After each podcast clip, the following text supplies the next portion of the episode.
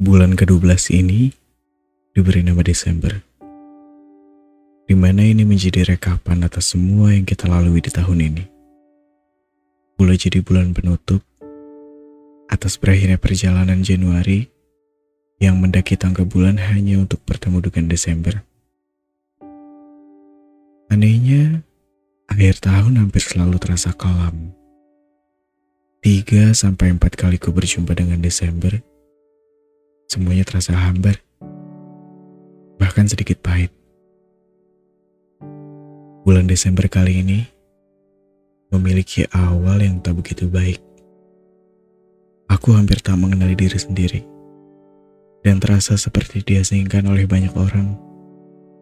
Nasnya aku diasingkan oleh orang-orang yang kuanggap baik, yang hingga saat ini masih kuanggap baik karena peran mereka dalam hidup juga tercatat penting bagiku.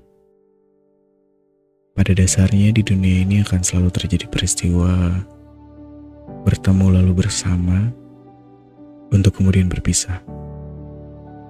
Sepertinya semua akan selalu begitu. Sekarang nikmatilah. Perasaan pahit tak juga berarti muram. Dan manis tak selalu menjadi senang. Dan ini kembali menjadi pilihan. Kita adalah nakoda atas diri sendiri. Kita yang menciptakan anginnya. Bukan menunggu terpaan dari orang lain untuk bisa kembali berlayar. Kita memang tak bisa merubah arah angin. Tapi kita bisa merubah layar kapal kita ke arah tujuan yang kita mau. Seorang pelaut dari samudera dan luas pernah berkata, Pelaut yang tangguh selalu berasal dari ombak dan langit yang tidak tenang. Semoga Desember kali ini ombaknya tenang.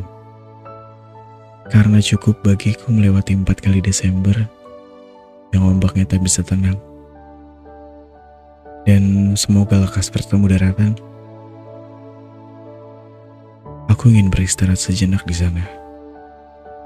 Minum segelas air matang dan bersandar di bawah pohon sambil bermain gitar kecil dengan lagu yang kubuat sendiri menunggu tahun ini berakhir dan menyapa tahun yang baru dengan kapal yang lebih tangguh.